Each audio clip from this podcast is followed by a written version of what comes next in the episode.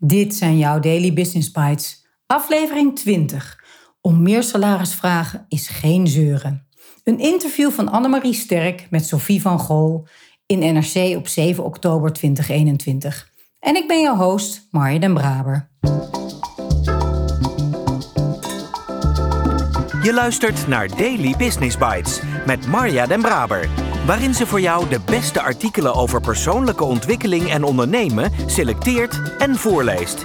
Elke dag in minder dan 10 minuten.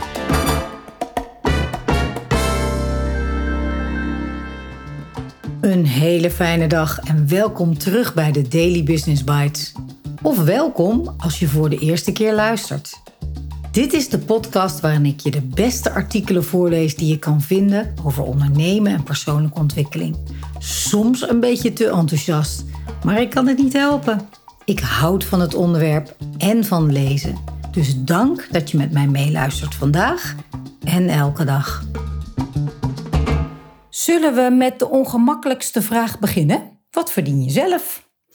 Oh jee, komt dat in de krant? Um, even denken. Ik heb nu mijn eigen bedrijf, dus ik heb natuurlijk geen salaris. Maar ik keer mezelf ongeveer 3000 euro per maand uit. Is dat meer of minder dan in je vorige baan? Een stuk minder. Sophie van Gol, 29 jaar, werkte tot twee jaar terug bij een groot consultancykantoor op de Zuidas.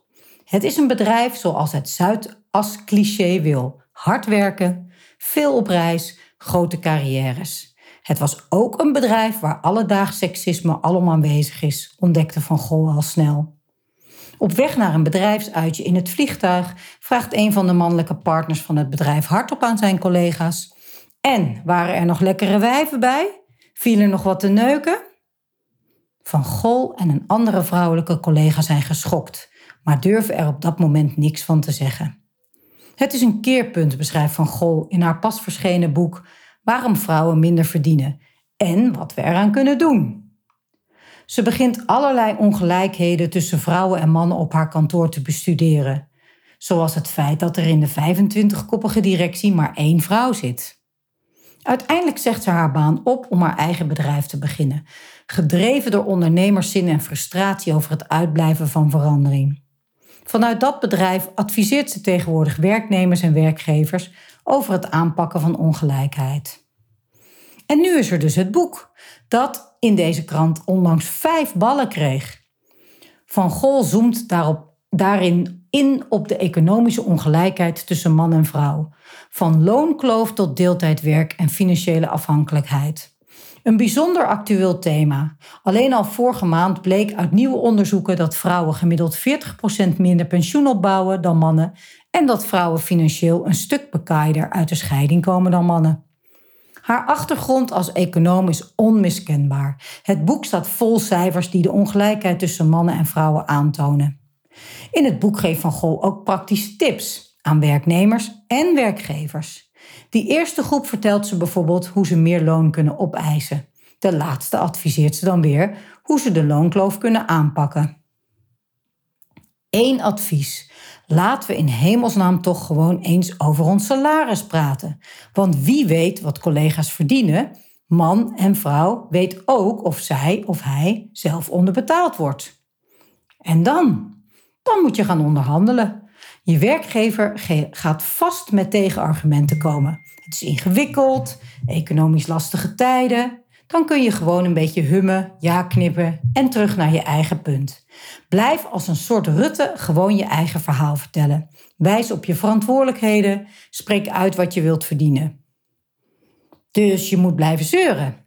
Het is geen zeuren, je komt op voor je rechten en je werkgever doet hetzelfde kun je je niet beter op systeemverandering richten dan op individuele oplossingen voor de loonkloof. Zeespiegelstijging ga je inderdaad ook niet tegen door plastic tasjes te rapen. Dan moet je je richten op grote vervuilers zoals Shell. Maar wat, maar wat mij betreft is het en-en. Dit is nu eenmaal de realiteit waarbinnen mannen en vrouwen werken en ik help ze graag aan een eerlijker salaris. Hoe ziet de loonkloof er in Nederland uit? Die bestaat op drie niveaus. Vrouwen verdienen op jaarbaas gemiddeld 38% minder dan mannen. Dat komt deels omdat vrouwen vaker in deeltijd werken.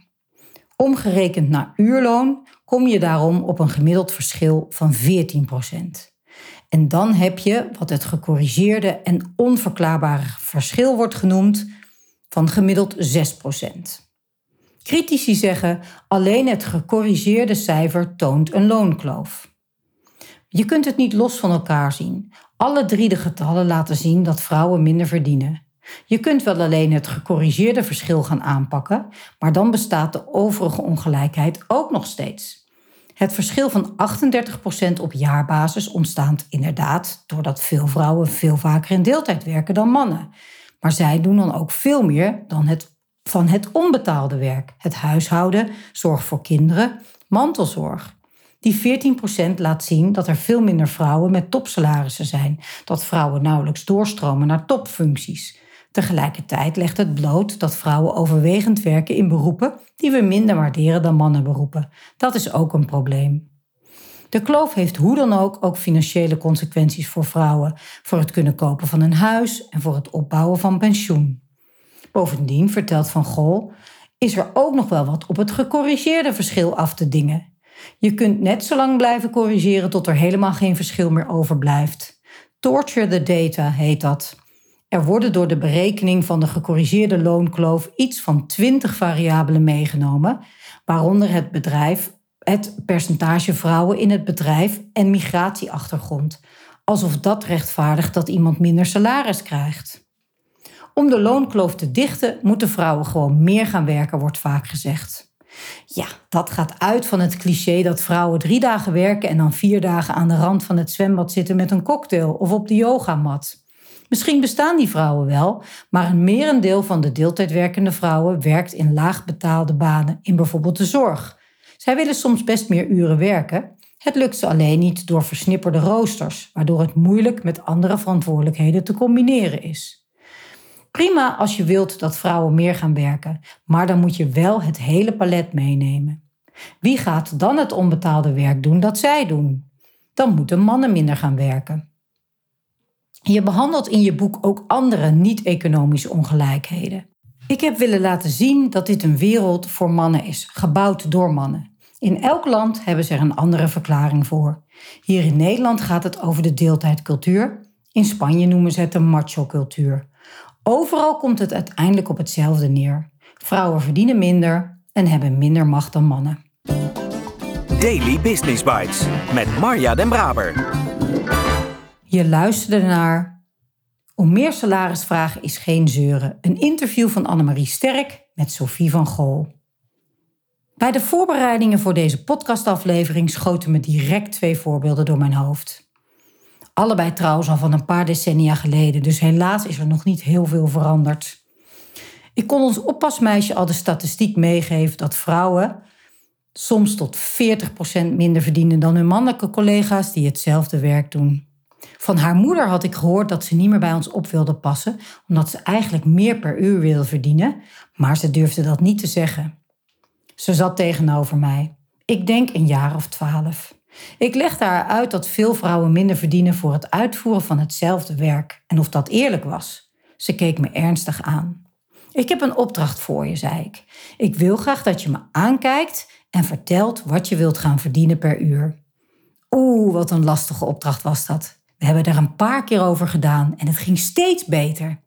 Ik weet niet of zij er als volwassen vrouw nog wel eens aan terugdenkt of er iets aan heeft gehad. Maar ik heb het altijd onthouden. Het andere voorbeeld dat me direct te binnen schoot was een goede vriendin die in haar directie erachter kwam dat een mannelijke collega met wie ze tegelijkertijd was begonnen behoorlijk meer verdiende. Eén gesprek met de CEO, met deadline, een hele straffe trouwens, was voldoende om dit recht te trekken. Ik krijg vanzelf een glimlach op mijn gezicht als ik alleen maar die scène inbeeld. Oppas of directielid. Het was er en het is er blijkbaar nog steeds. Voor mij een reden om deze podcast ook een plek te geven in de mooie dagelijkse verzameling. Man of vrouw, doe er je ding mee. Ik spreek je graag weer morgen. Dit was Daily Business Bites. Wil je vaker voorgelezen worden? Abonneer je dan op de podcast in je favoriete podcast-app. meer weten? Klik op de links in de show notes.